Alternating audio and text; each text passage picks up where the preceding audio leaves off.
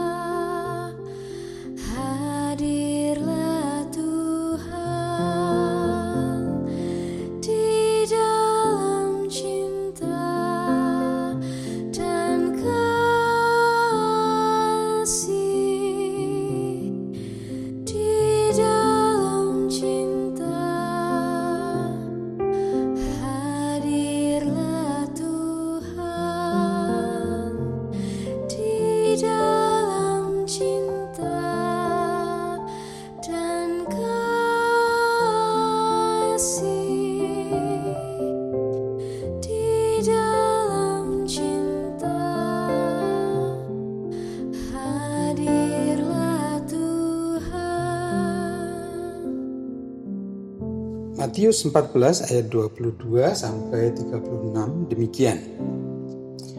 Sesudah itu Yesus segera memerintahkan murid-muridnya naik ke perahu dan mendahuluinya ke seberang. Sementara itu ia menyuruh orang banyak pulang. Dan setelah orang banyak itu disuruhnya pulang, Yesus naik ke atas bukit untuk berdoa seorang diri. Ketika hari sudah malam, ia sendirian di situ. Perahu murid-muridnya sudah beberapa mil jauhnya dari pantai dan diumbang-ambingkan gelombang karena angin sakal. Kira-kira jam 3 malam datanglah Yesus kepada mereka berjalan di atas air. Ketika murid-muridnya melihat dia berjalan di atas air, mereka terkejut dan berseru, "Itu hantu!" Lalu berteriak-teriak karena takut. Tetapi segera Yesus berkata kepada mereka, "Tenanglah, aku ini. Jangan takut." Lalu Petrus berseru dan menjawab dia, "Tuhan, apabila Engkau itu, suruhlah aku datang kepadamu berjalan di atas air." Kata Yesus, "Datanglah." Maka Petrus turun dari perahu dan berjalan di atas air mendapatkan Yesus. Tetapi ketika dirasanya tiupan angin, takutlah ia dan mulai tenggelam. Lalu berteriak, "Tuhan, tolonglah aku!" Segera Yesus mengulurkan tangannya, memegang dia dan berkata, "Hai orang yang kurang percaya, mengapa engkau bimbang?" Lalu mereka naik ke perahu dan angin pun redalah. Dan orang-orang yang ada di perahu menyembah dia. Katanya, sesungguhnya engkau anak Allah. Setibanya di seberang, mereka mendarat di Genasaret. Ketika Yesus dikenal oleh orang-orang di tempat itu, mereka memberitahukannya ke seluruh daerah itu maka semua orang yang sakit dibawa kepadanya. Mereka memohon supaya diperkenankan menjamah jumbai jubahnya. Dan semua orang yang menjamahnya menjadi sembuh. Seberang, tempat baru, tempat pelayanan selanjutnya. Seberang, tempat baru, tempat kehidupan yang baru. Seberang dunia ini. Di sorga. Ibu bapak dan saudara, Yesus memerintahkan para murid mendahuluinya ke seberang. Mari kita renungkan situasi yang digambarkan dalam kisah ini. Malam, Yesus jauh, angin kencang, angin sakal. Pasti dengan gelombang yang mengombang-ambingkan perahu mereka Angin sakal dalam kisah ini dapat diartikan sebagai lambang kuasa-kuasa yang memusuhi dunia manusia. Kuasa-kuasa yang jahat. Dalam situasi yang seperti itu, Yesus datang. Ia berjalan di atas air, atau dalam teks aslinya, laut. Hati dan perasaan mereka yang gusar, kacau, khawatir, ngeri, dan takut mungkin juga putus asa dan bahkan kematian di dalam benak pikiran mereka. Hingga melihat Yesus menyebutnya hantu. Yesus berkata, "Tenanglah, aku ini. Jangan takut." Ayat 23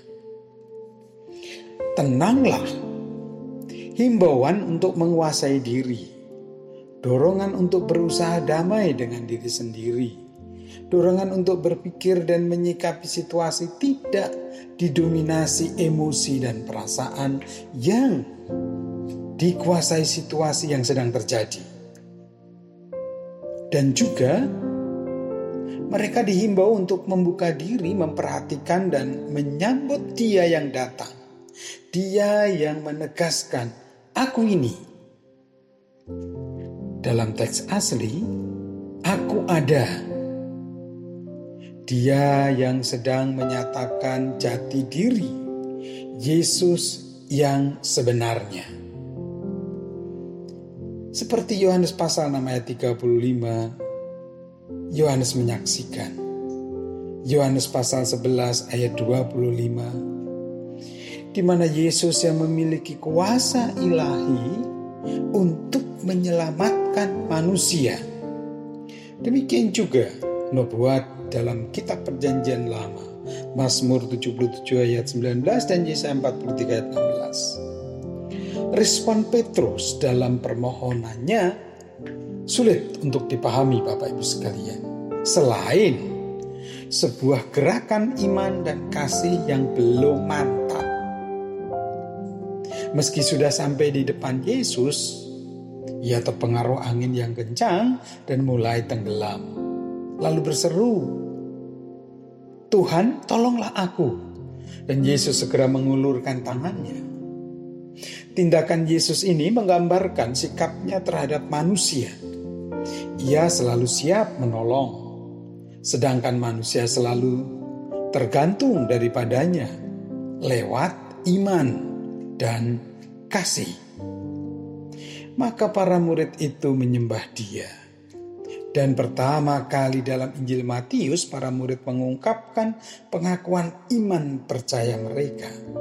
Sesungguhnya engkau anak Allah. Ayat yang ke-33.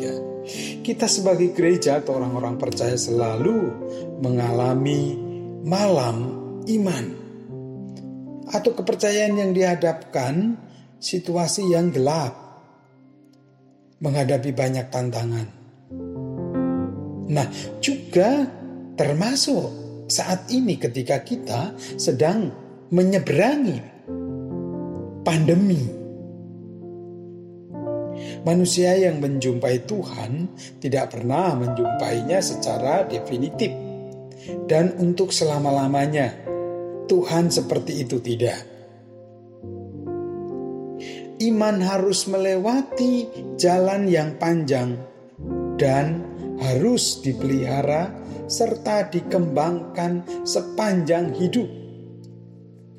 Setiap kali pengikut Yesus merasa terguncang oleh suatu cobaan, ia cenderung berpikir bahwa ia ditinggalkan Tuhan. Tetapi ia beriman benar kalau yakin bahwa hanya Yesus Kristuslah satu-satunya yang mampu menyelamatkan dia dari berbagai bahaya dunia ini. Bila beriman teguh, pengikut Yesus dapat melakukan hal-hal yang lebih hebat daripada Petrus yang berjalan di atas air. Dan bila imannya melemah, ia harus berdoa, "Tuhan, tolonglah aku." Dan Tuhan Yesus ada bersama saudara, akan mengampuni dan membangkitkan semangat saudara. Terlebih dalam menghadapi pandemi ini, mari terus melangkah menyeberangi pandemi COVID-19 ini. Menyiapkan diri dalam penyertaannya, menyaksikan iman dan kasihnya bagi mereka di seberang sana. Amin. Kita berdoa, kita nyatakan syafaat kita dan mengawalinya dengan doa Bapa kami yang kita nyanyikan.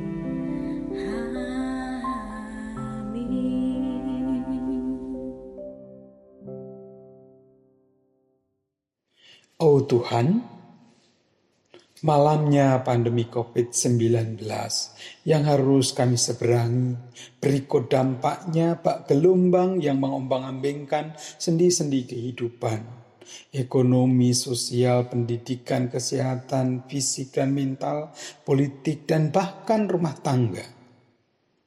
Biarlah itu tidak membuat kami kurang percaya dan bimbang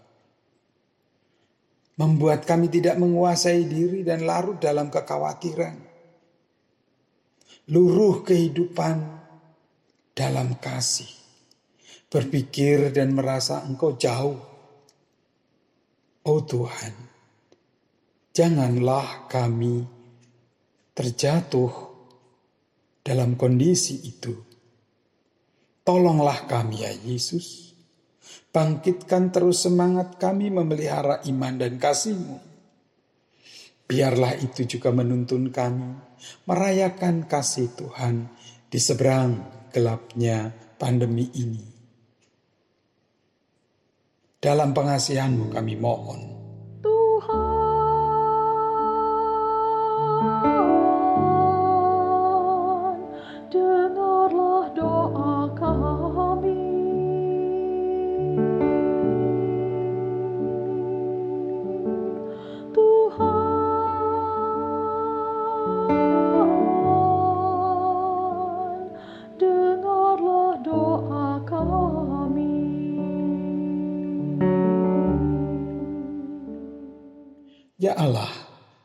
Sebagaimana Engkau senantiasa menyertai kami, kiranya Engkau juga berada dan berkarya di tengah-tengah saudara-saudara kami yang sedang fokus pada upaya penanganan dan harapan melewati pandemi COVID-19 ini.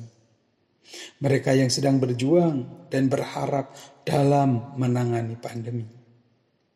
Tuhan, Kiranya Engkau memberi mereka kesehatan dan kekuatan, semangat dan kesungguhan, kesukacitaan dan ketekunan, ketelitian dan kecermatan, ketulusan dan kesetiaan dalam melakukan tugas mereka, tanggung jawab mereka, kepedulian mereka untuk menyatakan yang terbaik terkait dengan penanganan COVID-19 ini mulai dari pemimpin pemerintah negeri ini, juga bangsa-bangsa lain, serta gugus tugas percepatan penanganan COVID-19, para tenaga ahli dan peneliti, para tenaga medis, dan relawan kesehatan, ke dalam tanganmu kami mohon berkat Tuhan. Dalam pengasihanmu kami mohon.